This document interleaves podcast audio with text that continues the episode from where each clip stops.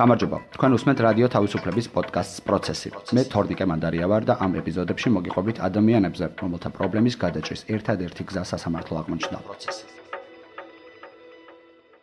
აფხაზეთის ომი მძიმე იყო ბევრისთვის, დავითისთვის სულ სხვა მიზეზით. ბავშვობიდან შეზღუდული შესაძლებლობების მქონე ეთნიკურად აფხაზს მუდმივი მკურნალობა სჭირდება. თუმცა ოკუპირებულ ტერიტორიაზე ეს პრაქტიკულად შეუძლებელია. 2021 წელს დავითი თბილისში ჩამოვიდა სამედიცინო და სოციალური დახმარების მიღების იმედით. რამდენიმე წელია ის სასამართლოში ამტკიცებს, რომ ეკუთვნის პენსია, როგორც საქართველოს ნებისმიერ სხვა მოქალაქეს. ეს ნამდვილი ამბავია, თუმცა უსაფრთხოებიდან გამომდინარე მთავარი გმირის ვინაობა შეცვლილია. ყველაფერი ღრმა ბავშვობაში დაიწყო. ალბათ 8 თვის ვიქნებოდი. დაიწყო მაღალი ტემპერატურით. ერთ დღესაც მშობლებს ჩვარივით დავხვდი. მთელი სხეულის კიდურები გამეთიშა. ეს იყო პოლიომელიტი. ვირუსული დაავადება, რომელიც 200-დან ერთ ადამიანში იწვევს კიდურების მუდმივ მწვავე დამბლას. სასტრაფოდ გადამიყვანეს თბილისში, ინფექციურ საავადმყოფოში. იქ აღმიდგინეს მოძრაობის უნარი. წელს ქვემოთ ვერაფერს გახდნენ. საჭირო იყო ოპერაცია, ოღონდ ზრდასრულ ასაკში. თელი ჩემი ბავშვობა იყო მკურნალობა.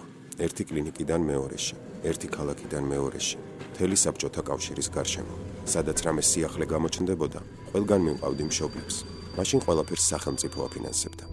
ეს ყველაფერი 1992 წელს შეწყდა.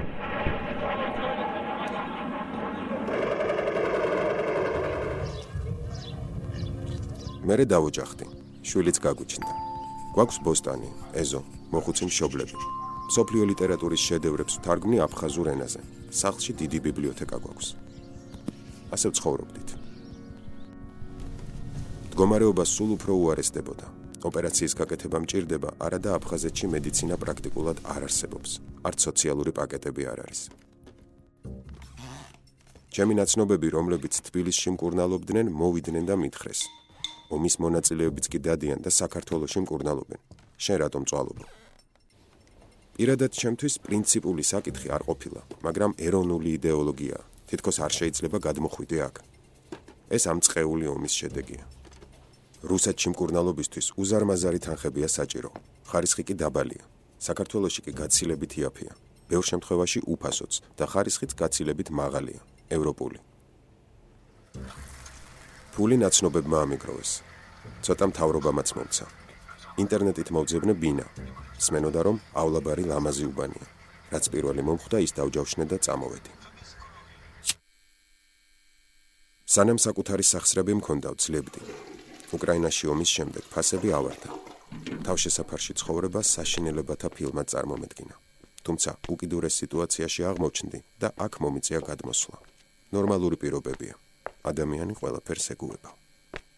დავითმა თბილისში ნეიტრალური პირადობის მოწმობა აიღო და შშმ პირებისთვის განკუთვნილი სოციალური დახმარება ითხოვა. თუმცა სოციალური მომსახურების სააგენტომ მას უარი უთხრა. სამართლებრივი დახმარებისთვის დავითმა არასამთავრობო ორგანიზაცია სოციალური სამართლიანობის ქსელს მიმართა. ორგანიზაციის ადვოკატი თათია კაჭარავა ხსნის, რომ სოციალური მომსახურების სააგენტოს ერთადერთი არგუმენტი ის იყო, რომ დადგენილებაში, რომელიც ჩამოთვლის, ვის აქვს სოციალური დახმარების მიღების უფლება, არ წერია პირადობის ნეიტრალური მოწმობის მქონე პირის სიტყვა-სიტყვით. კანონში პირდაპირ წერია, რომ პირადობის ნეიტრალური მოწმობა უთანაბრდება პირის პირადობის მოწმობას და სამართლებრივ ურთიერთობებში მონაწილეობისთვის სრულყოფილად გამოიყენება. ტერიტორიული მთლიანობის იდეა, დეოკუპაცია და ასე ვთქვათ, ის რომ ისწრაფება სახელმწიფოს რომ არ დაკარგოს ბმა იქ დარჩენილ ადამიანებთან და ისინი დაიტოვოს როგორც საკუთარი მოქალაქეები, ეს გაცხადებული პოლიტიკა სახელმწიფოს. კონსტიტუციის მთავარი ღირებულება არის ასევე გაცხადებული ის, რომ საქართველოს არის სოციალური სახელმწიფო, სამართლებრივი სახელმწიფო, რაც მარტივად ამ შემთხვევაში გულისხმობს იმას, რომ შენი ქვეყნის მოქალაქე არ შეიძლება განსაკუთრებით როცა ის ოკუპირებულ ტერიტორიაზე და ოკუპაციის ფარგლებში არის იძულებული რომ იცხოვროს, არ შეიძლება დატოვო მოწყვლადი და მიღმა სოციალური სერვისების და დახმარებისგან. სასამართლომ სრულად გაიზიარა დავითის და მისი ადვოკატის არგუმენტები.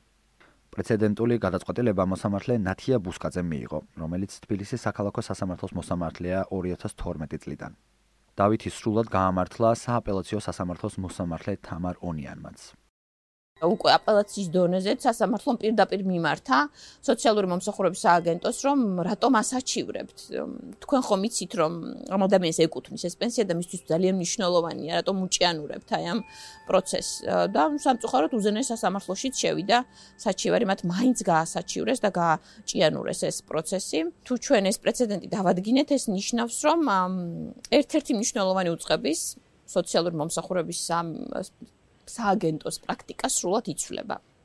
ის ხდება იძულებული, რომ ყველა იმ, ასე ვთქვათ, ადამიანს, ვინც ფლობს ნეიტრალურ პირადობის მოწმობას, ექნება უკვე თავისუფალი გზა, რომ მას დაუბრკოლებლად მათზე გაიცეს ეს პენსია. ეს თანხა და ამასთან ერთად ეს ძალიან მნიშვნელოვანი საქმეა, იმიტომ რომ პირადობის ნეიტრალური მოწმობის, როგორც ესე ვთქვათ, უნიშნელოვანესი დოკუმენტის, როგორც პოლიტიკური თვალსაზრისით, ასევე სამართლებრივი თვალსაზრისით აღიარებას განაპირობებს კიდევ ერთხელ.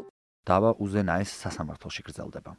ქართველი ექიმებისგან რაღაც განსაკუთრებული იგრძნობა. ალბათ იმის გამოც, რომ დიდი ხანია აფხაზები არ უნახავთ, განსაკუთრებით ახალგაზრდებს.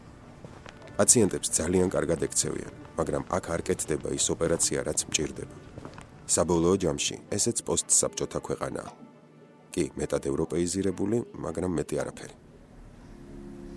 ხედავ ნაწილს ძველი სისტემის შენარჩუნება უნდა. სხვებს ადამიანურად, ცივილიზებულად ცხოვრება. მე ამ ბოლო ნაწილს ვეთანხმები. ის დიალოგიც, რომელიც ადრე თუ გვიან უნდა შედგეს აფხაზებთან, ჯობს ასეთ პირობებში გამართოს, სადაც ადამიანად, თანასწორუფლებიანად ჩაგთვლიან და არა ისე როგორც ადრე იყო, მეორე ხარისხოვნად. საბოლოო დანიშნულება ევროპაა. კურნალობა, რეაბილიტაცია უკვე მეტნაკლებად დაგეგმილია. მხოლოდ დოკუმენტები მჭირდება.